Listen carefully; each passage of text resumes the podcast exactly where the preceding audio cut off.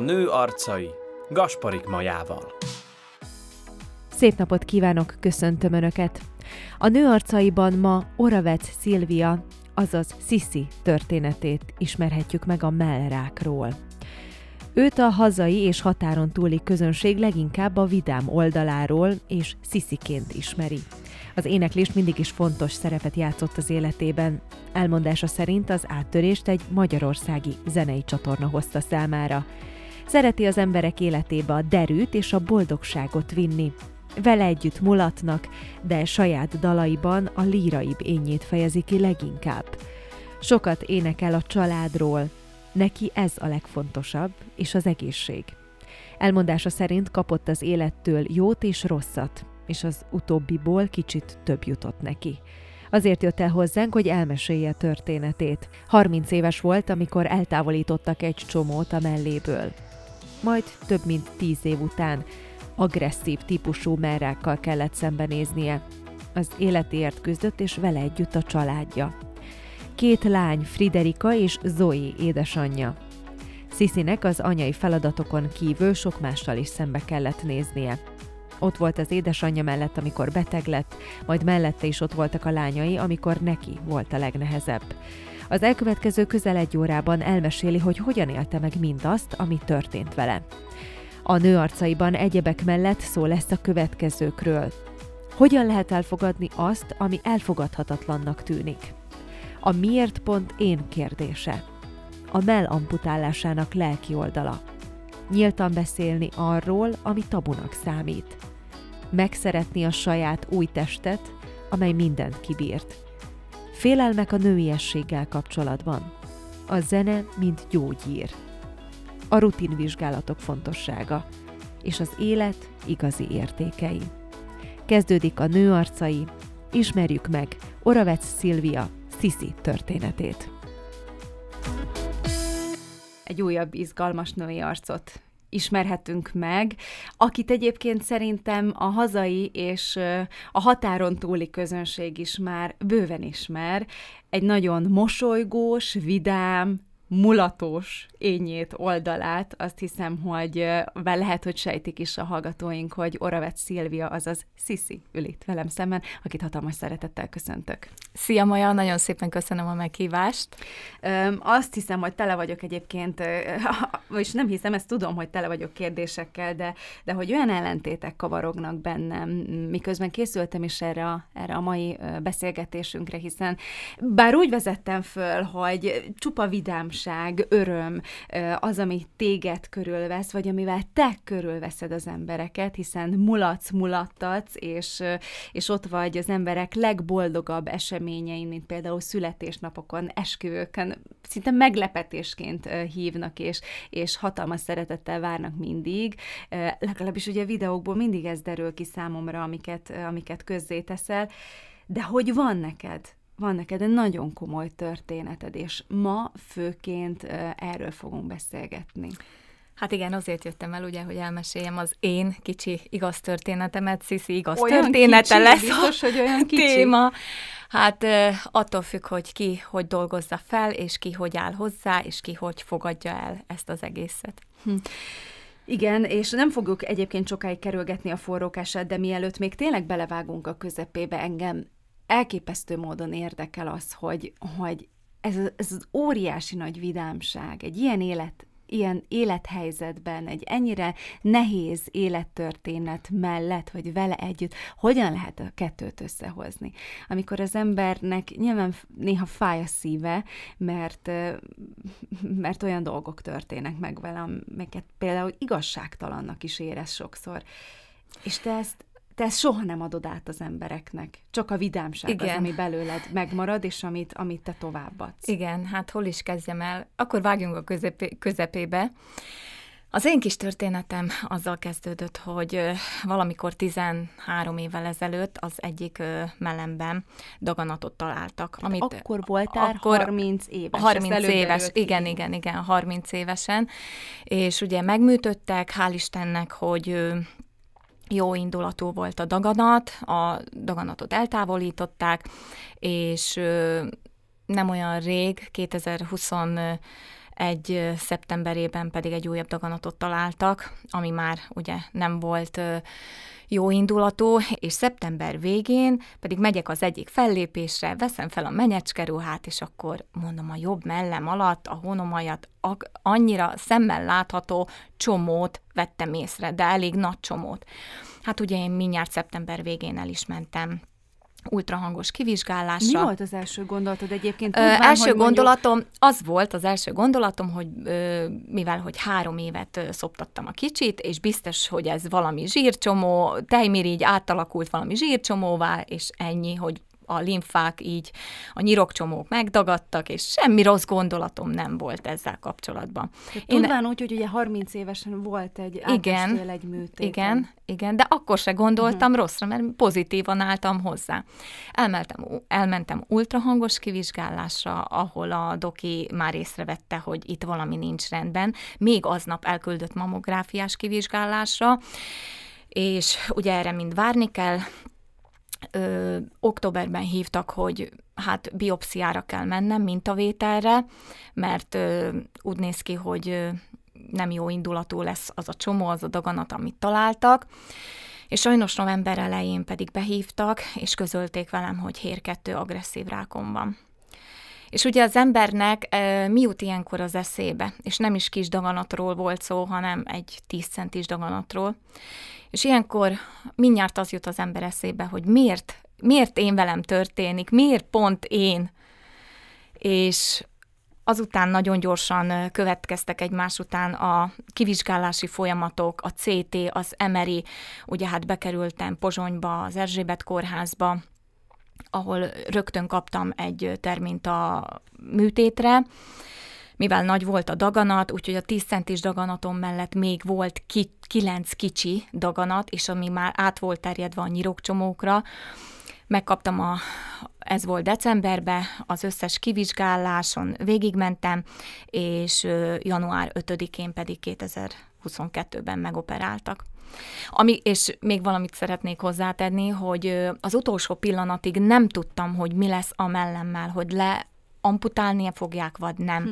Mi az, ami egy nő eszébe A nő eszébe először, az tehát, utolsó hogy... pillanatig te reménykedsz abba, hogy jó, kiveszik azt a kis csomót, visszavarnak, és, és kész, élet a kis életedet tovább.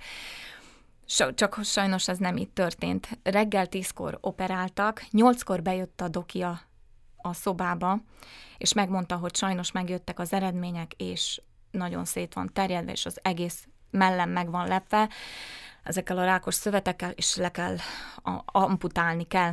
De viszont ez annak az ára, hogy életbe maradjak.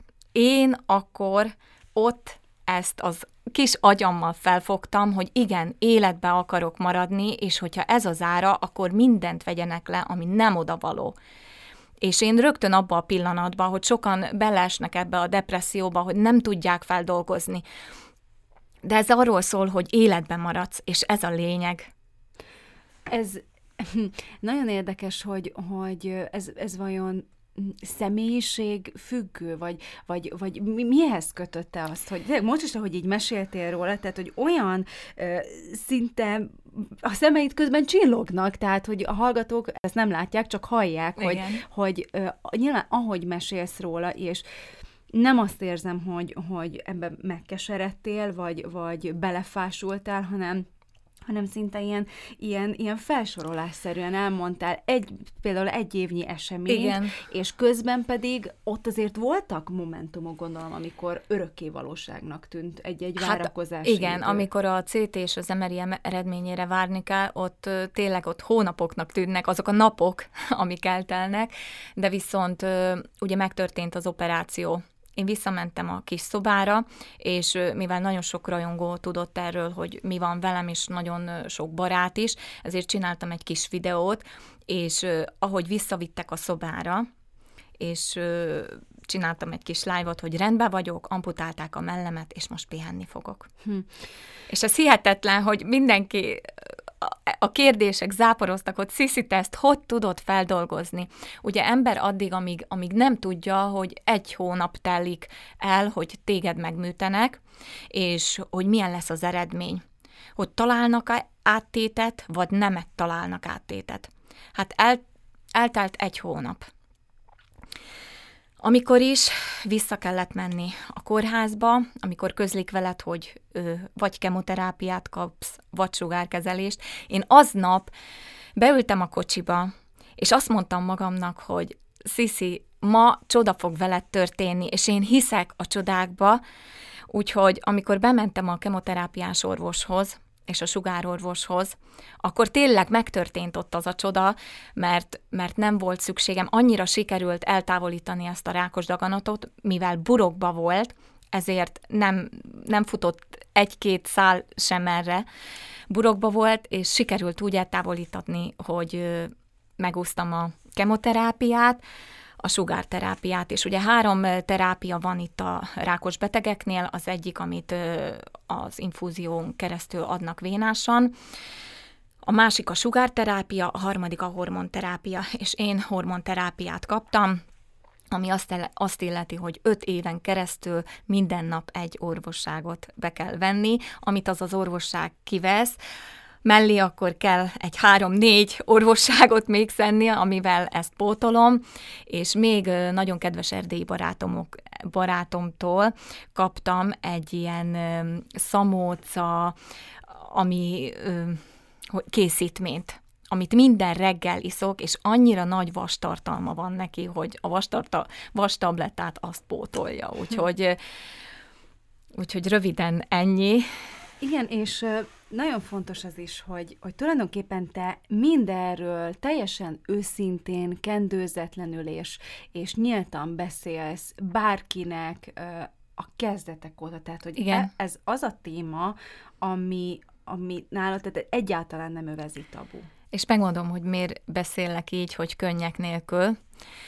Azért, mert mikor egy hónap után ugye közölték ezt a jó hírt, hogy, hogy tablettát, kemotablettát kell szednem, és ö, akkor érkezett el az a pillanat, hogy odáig, odáig még ö, be vagy kötve ö, van rajtad egy raktapasz, és te nem, nem szembesülsz azzal, hogy neked mekkora sebed van ott.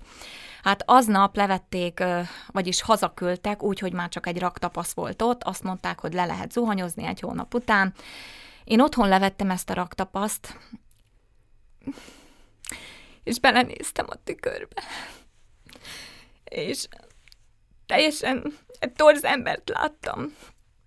Úgyhogy fazimódónak éreztem magam, hogy elvesztettem a nőiességemet. De viszont akkor még online tanítás volt, ugye? És a kicsi lányom az Zoé a másik szobában tanult ő hallotta ezt a kinkes, kinkeserves ö, ö, sírást, és akkor odajött hozzám, és azt mondta, hogy te vagy a világ legszebb anyukája.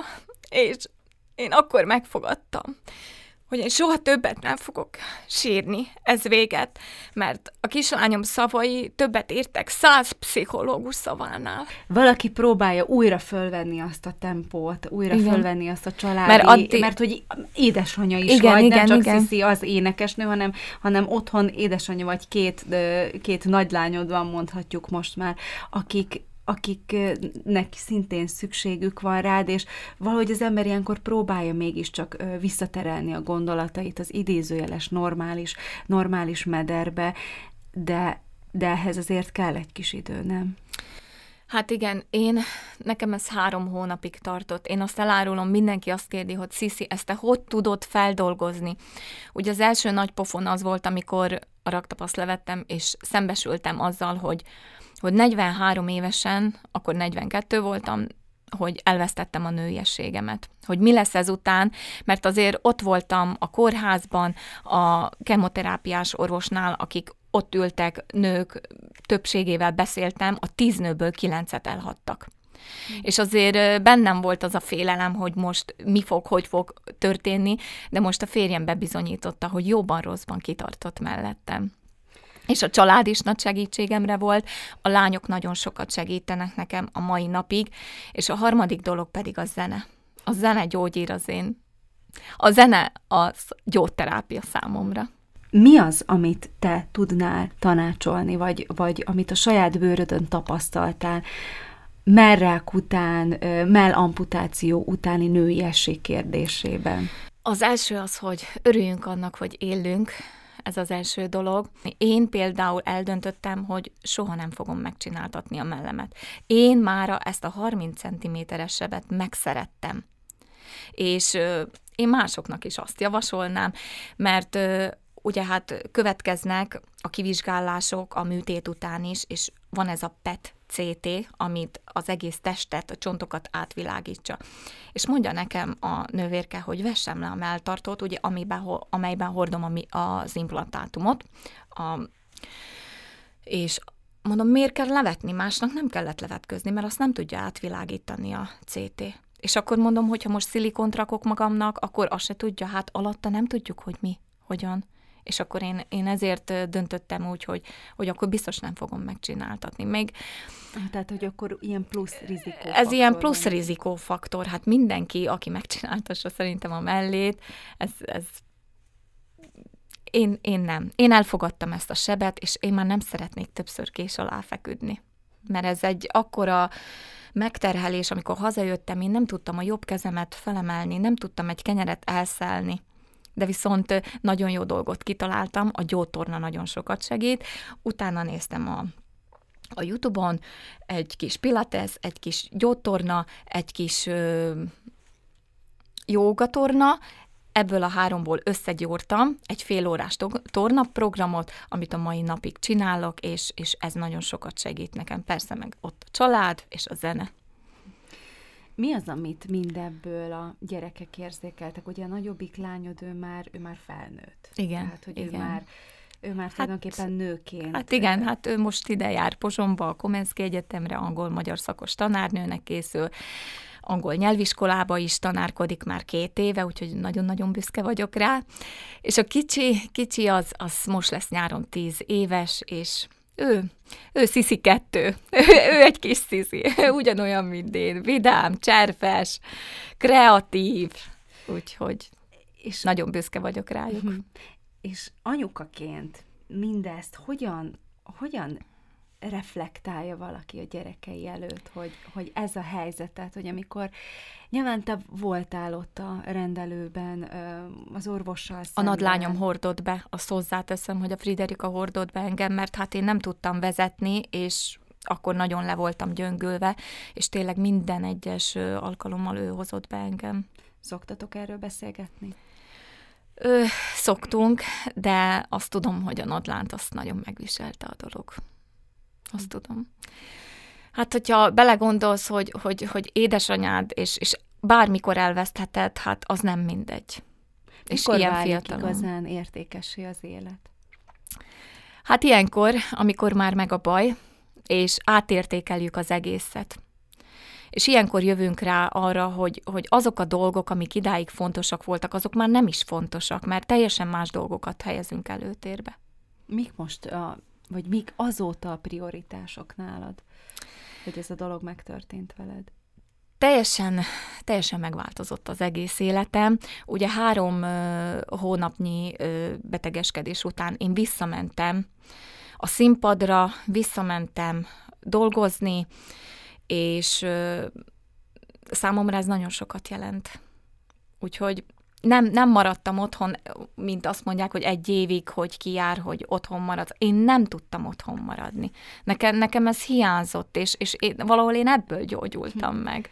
Mit adott a zene, vagy mit tud számodra nyújtani a zene, hiszen tényleg azt tudom rólad, hogy képes vagy beülni az autóba, és akár több száz kilométert 600 kilométert levezetek, és fellépek, és visszajövök. Igen. E- e- erről, erről is azért érdemes. Hát most három év alatt azért 160 ezer kilométert levezettem. Ugye hát a munkahelyem az Magyarországhoz köt, egy magyarországi zenei csatornánál vagyok, és azért nagyon sok helyre, Kalocsa, Debrecen, Eger, nagyon sok helyre ki kell mennem a tévéfelvételek véget, de én ezt imádom, mert annyi baráttal, rajongóval találkozok, akik, a, akik tényleg mind olyan szeretetet adnak nekem, és a, a zenész kollégák is. Fontos számodra az, hogy szerepet vállalj ebben a fontos kérdésben, a merrákkal kapcsolatban, és az, az a kapcsolatos kommunikáció a rajongók felé. Tehát, hogy neked amellett, hogy, hogy ugye ott vagy, énekelsz, vidám vagy, felveszed a menyecske ruhát, és karon fogod, a, kézen fogod az ünnepeltet, énekelsz, ott vagy a tévéfelvételeken, és közben pedig ugyanúgy tényleg párhuzamosan mesélsz a te történetedről, és ez a szerepvállalás, ez a küldetés, ez mit jelent a te életedben? Tehát, hogy így, mert hogy nyilván ilyenkor azért jönnek a, a, a reakciók, igen, jönnek igen. a kérdések, a saját igen, történetek. Ö, hát elárulom, hogy három hónap után, ahogy visszamentem ez a zenei csatornához dolgozni, ott mindjárt azzal indítottak, hogy készítettek velem egy riportot, Sisi igaz története címmel, és amikor ezt leadták a tévében, azután nagyon-nagyon sok e-mail e-mailen keresztül kapott levelet kaptam, és olyan sok nő írt nekem, hogy Sziszi, hogy, hogy ahogy végignéztük ezt a riportot, és ahogy te beszélsz a betegségedről, és, és a körülötte lévő dolgokról, hogy segíts nekünk is feldolgozni, mert valaki két éve nem tudja, valaki három éve, éve nem tudja feldolgozni, sőt, volt olyan, aki öt éve nem tudta ezt feldolgozni. Én ezt az összes levelet átolvastam, és mindenkinek visszaírtam e-mailben, ebből 12 embernek sikerült megváltoztatnom az életét és sikerült velük megértetnem, hogy az élet a legnagyobb kincs, és örüljünk annak, hogy élünk, és mindenkinek külön-külön tanácsot adtam, hogy, hogy hogyan kell ezt csinálni, és, hm. és örülök ezeknek a visszajelzéseknek, hogy másoknak is tudok segíteni. Ugye most kicsit visszatérek a 30 éves énethez, aki először feküdt kés alá. Igen.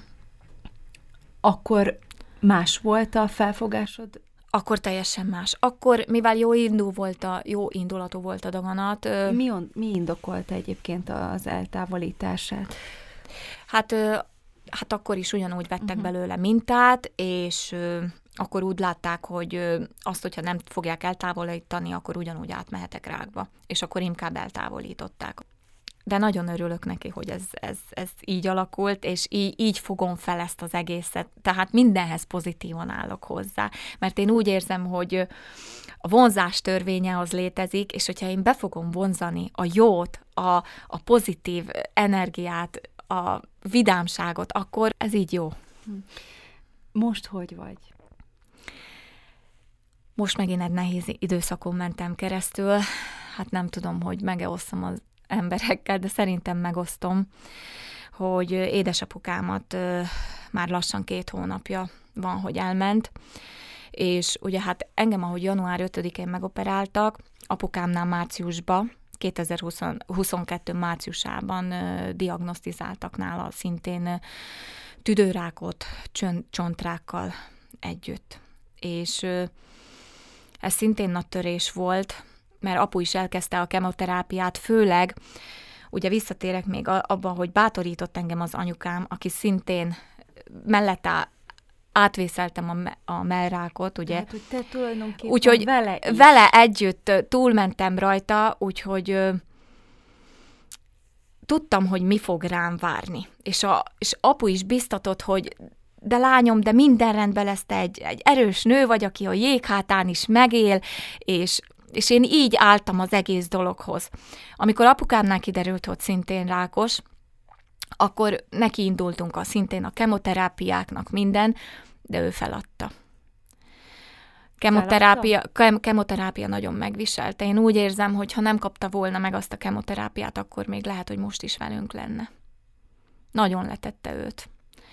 És hogy sajnos annyi, hogy már végstádiumba észlelték nála a rákot, ami, ami később átment a csontokra, átment a vesére, a májra, és, és ott már nem tudtunk rajta segíteni, és hogy azért is elutasította aztán a kemoterápiát, mert azt a pár hónapot, ami még maradt velünk, szelet, szerette volna tölteni.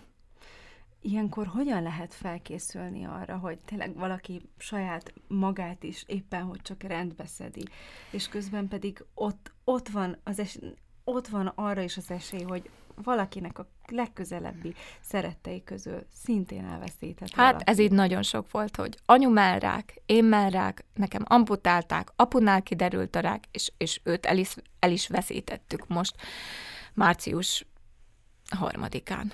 És ez egy, ez egy nagy törés volt az élet, életemben, de apukám azt mondta, hogy az élet megy tovább, és őt mindig a szívünkbe gyászoljuk.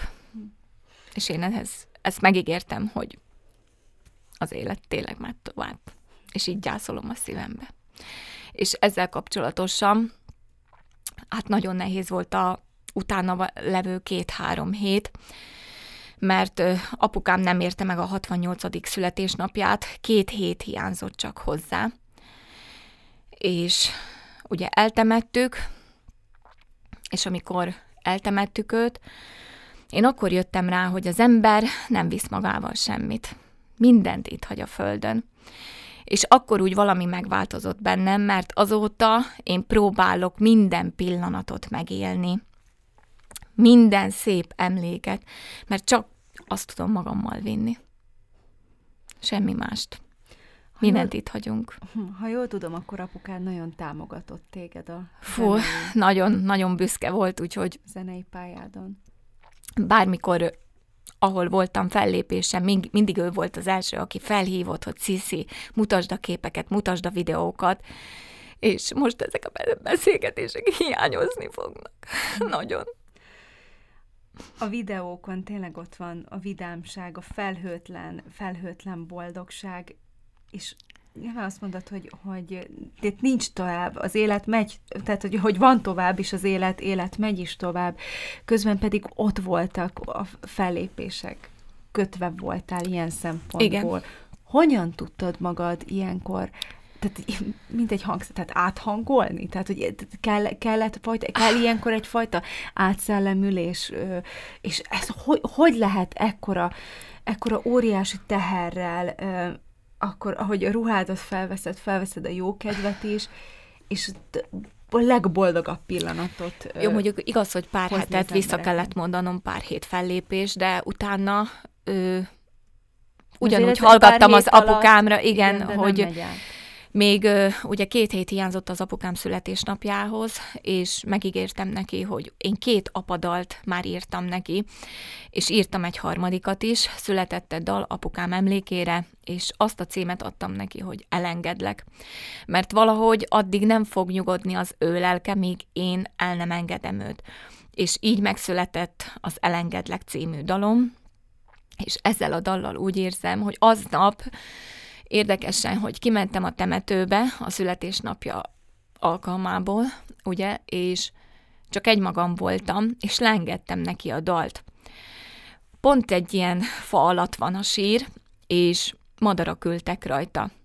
És ahogy elengedtem, lengettem a dalt, nem repültek el a madarak, csak akkor, amikor vége lett a dalnak. Hmm. És ez egy számomra ez egy jel volt. Éppen azt akartam kérdezni, hogy hiszel a jelekben? És ennyi, ennyi ilyen komoly történés után jobban kifinomul az embernek ez a kis képzeletbeli csápja, amely érzékeli azt, hogy, hogy tényleg mi minden történik körülöttünk a világban, mi mindenre van egyrészt nekünk rá hatásunk, vagy mi van ránk hatással, és azok a bizonyos jelek. Hát igen, idáig nem hittem a jelekbe, és nem hittem a jóslásba, nem hittem ezen a ezotériába, de de hát azt földön hiszem, túli földön túli dolgok. életbe, de szerintem biztos, hogy van földön túli élet, és, és sokkal jobb. Ott ö, nincs veszekedés, ott, ott nincs irítség, oda kerül, hát ez csak egy ilyen előélet, amit itt élünk a Földön, és szerintem, hogyha meghalunk, mindenki, hogyha meghal, akkor egy olyan világba kerülünk, ahol, ahol szép kék az ég, gyönyörű szép a fű, és, és mindenki mindenkivel csak mosolyogunk, mosolygunk egymásra. Így tudom elképzelni. De te ezt próbálod közvetíteni itt a Földön is. igen, igen, igen, igen. Mi a te életfeladatod?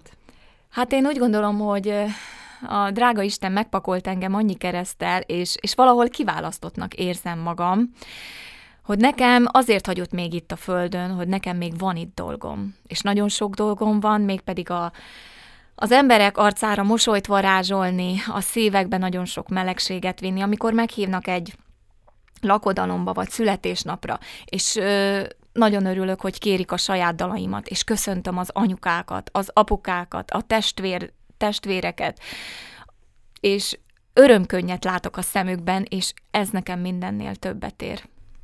Igen, mert hogy, mert hogy a te zenei pályádhoz hozzátartozik az is, hogy mondjuk régen, nagyon-nagyon régen volt Igen. már, ha jól emlékszem, Igen. hogy te, hogy te először is először is a zenei, zenei életbe belekóstoltál, és akkor, akkor az hogy volt? Tehát. Hát az ilyen 20-tól 30 éves koromig volt ez a zenei pályafutás, nagyon sok zenekarral dolgoztam együtt, ugye hát nagyon sok rendezvényre jártunk, és valahol nekem ez egy plusz volt, hogy akkor sikerült mindent megtanulnom a zenéről, és azután jött egy hét év kihagyás. Mi, és mi miatt hagytad ki azt a hét évet? Azt ö, lehet, lehet róla vállás, beszélni? ez a műtét, és valahol úgy éreztem, hogy nagyon fiatalon mentem férhez.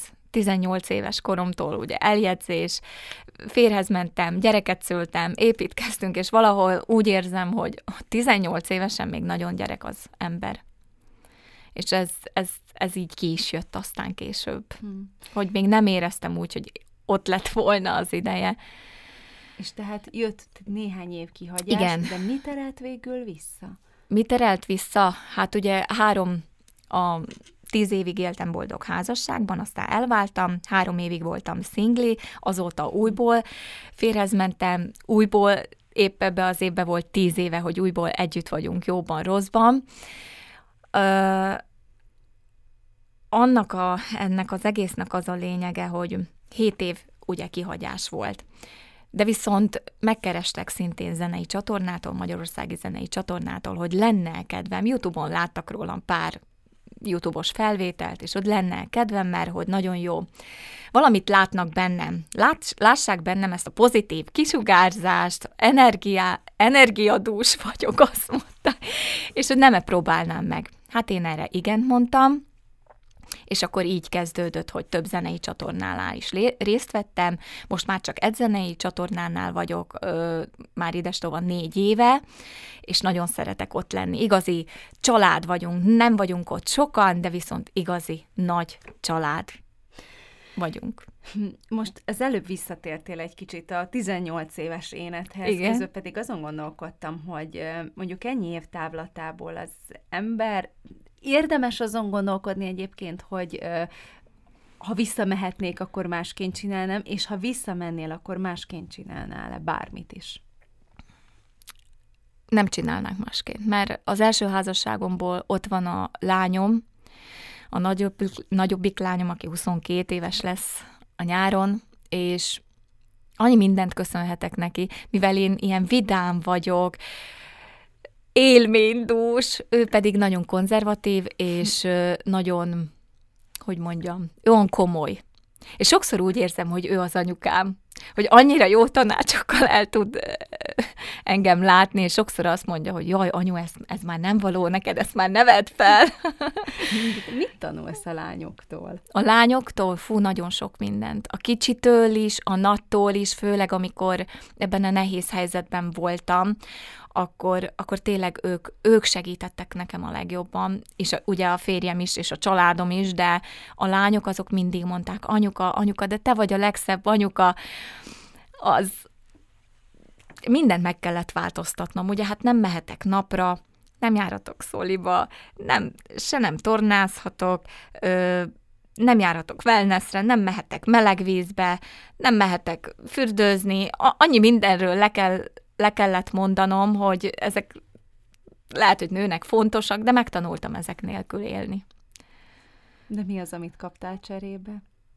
Mi az, amit kaptam cserébe? Egy jó életet kaptam cserébe.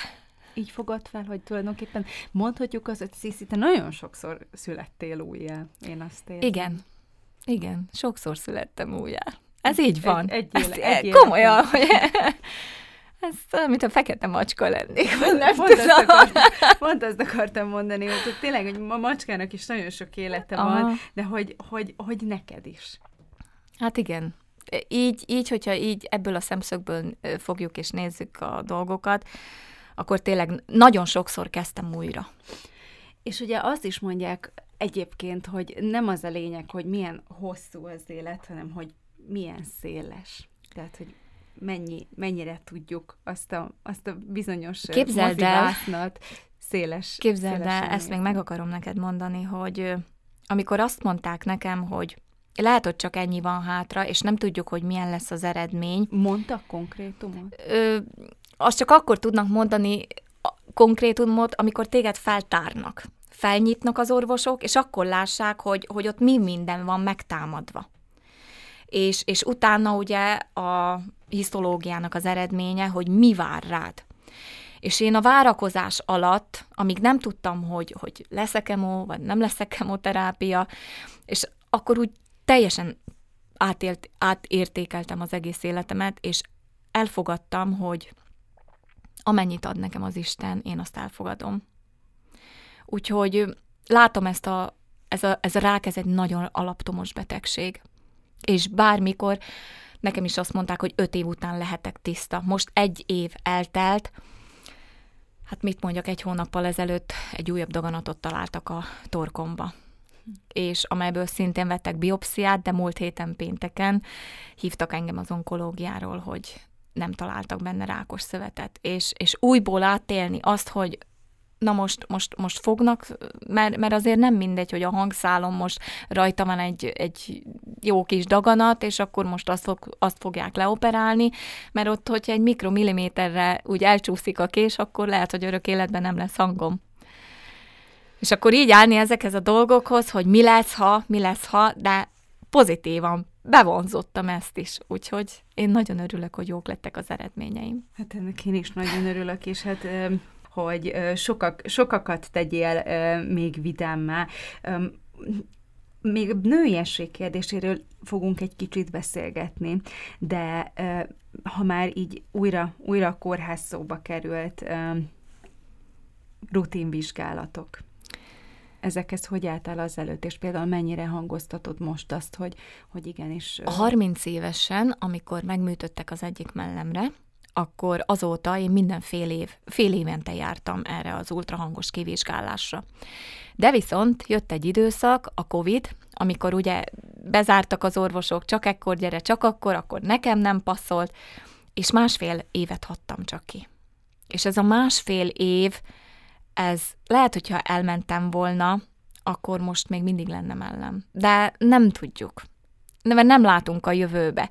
Mondhatnám azt is, hogy megkaptam azt az oltási vakcinát, és lehet, hogy az, az meggyorsította. Lehet, hogy 50 éves koromig lett volna még egy 10 szép évem, és majd csak aztán jött volna ki a mellrák, de lehet, hogy ez a vakcina meggyorsította, és két hónap alatt kihozta a rákot. De ezt nem tudni. Igen, tehát nagyon nehéz um, a bizonytalanról, illetve a bizonytalant megragadni, Igen. és arról, arról beszélni, illetve a miért, miért, miértek egyébként ö, foglalkoztatnak még? Számít még ö, ennyi nehézség Figyeld, után? a miért ott van, hogy családban ennyi rákos, daganatos beteg volt, ezért elküldtek engem genetikai kivizsgálásra, és a genetikai kivizsgálásnak az eredménye ö, negatív volt tehát nem találtak semmit, és azt mondta nekem az orvosnő, hogy én ezt a tisztentés daganatot a stresszel, a sok idegeskedéssel neveltem ki saját magamnak. Na de figyelj. Hogy ez lehetséges, én ezt nem tudom. nem, hogy, nem tudom, hogy most mit higgyek. Ugye az van, hogy tényleg ez a, ez a derülátás, ez a pozitivitás, és mellette a, hol, hol van a helye nálad a stressznek, vagy milyen, milyen, ö, milyen helyzetekben jön elő nálad?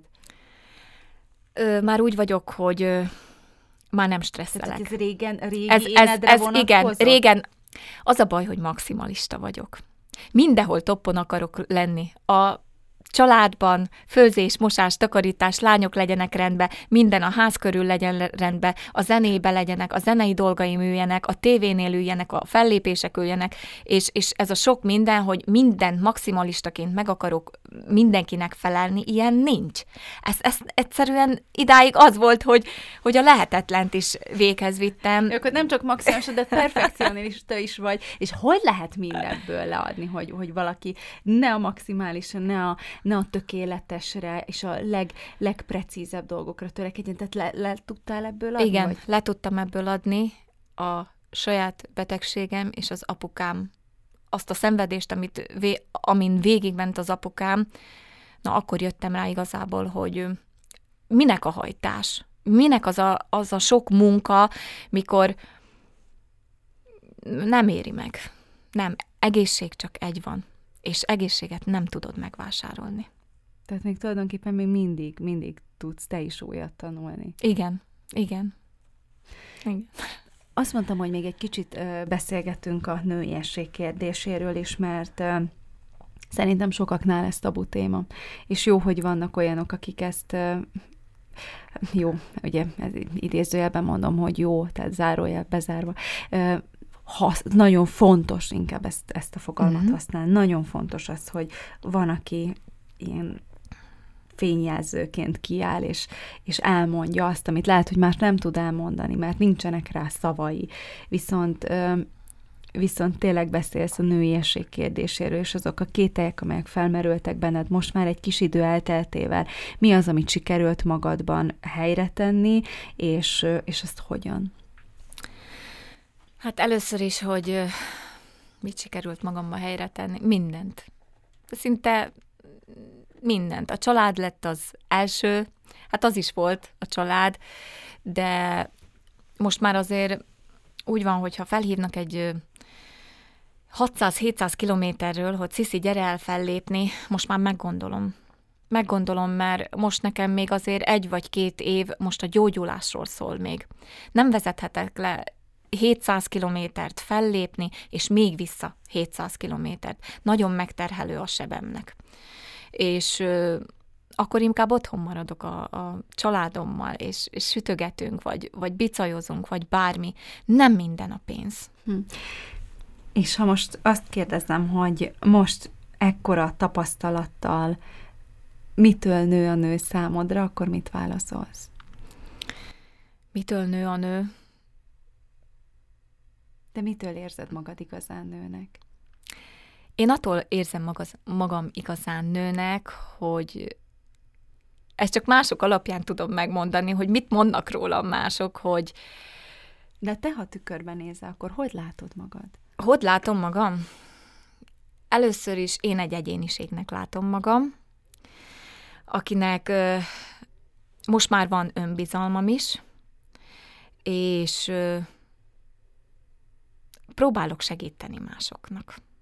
Valahogy én, én egyszerű, én egyszerű falusi anyukának tartom magam, aki főz most, takarít, és a fellépéseken pedig a közönséget meg tudja nevettetni, és nem is tudom.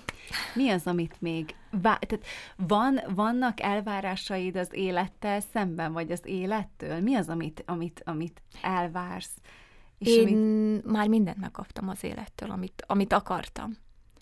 Először is a két csodálatos lányomat, ott van a csodálatos férjem, aki tényleg jobban rosszban kitartott mellettem, ott van az anyukám, az apukám a szívembe él tovább, ott van a testvérem, nagyon jó testvéri kapcsolatot ápolok vele, és egy kis kertes ház, mindenem megvan, úgyhogy én, én nem, nem úgy érzem, hogy hiá, hiányozna valami. Már csak egy dolog hiányzik, az unoka. Mm. Amit azt mondtam, hogy azt még meg szeretném érni az unokát, és akkor azt mondom, hogy ha azt megérem, akkor, akkor olyan elégedett szívvel távozok el innen. Mm. Tehát akkor ugye a teljes élet kérdése, akkor ez, ez a te fejedben, az, az most már nagyon kereken, kereken Igen, megvan. Neke, nekem megvan. Nekem nem hiányzik semmi az életemből.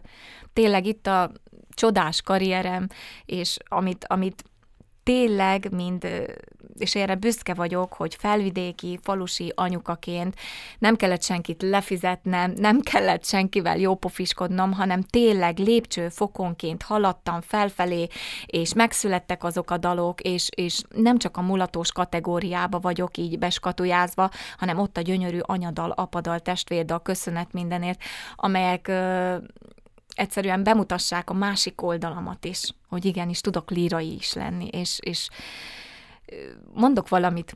Nekem, amikor elkezdtem ezt az egész zenélgetést, éneklést, nekem Cserháti Zsuzsa volt a példaképem. És ő neki a dalai van története, és mindig szólnak valamiről. És amikor én elkezdtem ezt az énekesi pályát, azt mondtam, hogy az nekem is olyan dalok kellenek, amelynek van története, és szólnak valamiről. És ez sikerült. Hm. A két, a két zenei stílus vagy műfaj között Jelen nehéz választani. De hogy azt mondtad, hogy igen, hogy van egy másik arcod is, ma kiderült, hogy nagyon is sok, sok arcod van, de a lírai éned az miben más? Miben szólnak máshogy, vagy ugye igen, tehát ö, szeretteidhez, és igen. mások szeretteihez is szólnak így, így ezáltal ezek a dalok. De úgy alapvetően, amikor énekelsz egy saját dalt, az miben Azt, más? Az teljesen más. Olyankor az összes érzés látszódik rajtam, az összes érzést kivetítem a külvilág felé, és, és teljesen átélem, átérzem a dalokat. Míg a mulatós, az egy cserfes, kis, vidám, csajt látnak, és, és azért az más. Sziszi, én azt mondom rád, hogy te egy örök fiatal, hogy ezzel Köszönöm. Hogyan? Jaj, ezzel? igen, igen, egyetértek vele. És így is, ilyen is maradt, Igen, ugye? igen. Én mindig olyan, én 25 évesnek érzem magam. És még annyit áruljál nekem, hogy mitől érzed magadat igazán önazonosnak. Tehát az a Sziszi, aki most itt ül velem szemben, az ugyanaz a Sziszi lesz, aki a színpadra megy, aki hazamegy, süt, főz, gyerekekkel van, és, és ez az önazonosság kérdése, ez még nagyon érdekel veled kapcsolatban. Ö, lehet, hogy azért van ez, mert én egyszerűnek tartom magam, egyszerű nőnek, és amit csinálok, azt alázattal csinálom. Hm. Én azt hiszem, hogy sok kérdést fel, felhoztunk, megbeszéltünk és átvitattunk, és én már csak így zárásként annyit tudok neked kívánni, hogy, hogy legyen mindenben sikered, és nyugalmad is. Én azt, én azt hiszem, hogy ez is egy nagyon fontos, és hát ugye még egy valami az egészség és a szeretet, ami már így kettő együtt. Hát igen. De hogy minden, minden, minden jóból. Amikor azt mondom, éneklem a dalba, hogy majd, ha nékem sok pénzem lesz, és kérdik tőlem, na, akkor mit szeretnél rajta vásárolni? És akkor azt szoktam, hogy egészséget. És én ezt, ezt kívánom neked tiszta szépből. Nagyon szépen köszönöm, hogy ilyen őszintén meséltél nekem, hát köszönöm nekünk. szépen a meghívást. A nyitottságodat is, és azt még elárulom a hallgatóknak, mert hogy a nőarcai portré beszélgetéseihez én mindig kérek a vendégeimtől egy, egy nem egy hagyományos önéletrajzot, hanem egy önmesét, és Sziszi maximalizmusa azért egy picit még, még azért megmutatkozott, mert hogy, mert hogy hoztad magaddal kinyomtatva, és Igen. még a kinyomtatott verzió mellé még voltak jegyzetek beírva.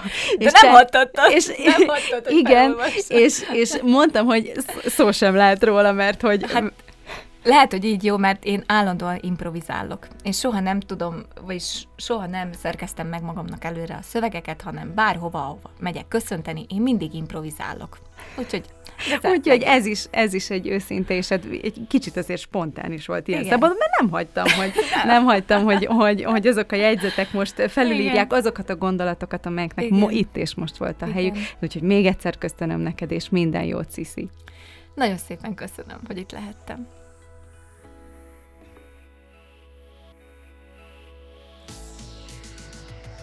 Ez volt már a nőarcai. Benne Oravec Szilvia, azaz Sisi története a merrákról. Köszönöm, hogy velünk tartottak. Ne feledjék, ahogy a nőarcai korábbi beszélgetéseit, úgy hamarosan a mait is megtalálják a Pátria Rádió Spotify oldalán. Találkozunk legközelebb is, a Viszonthallásra!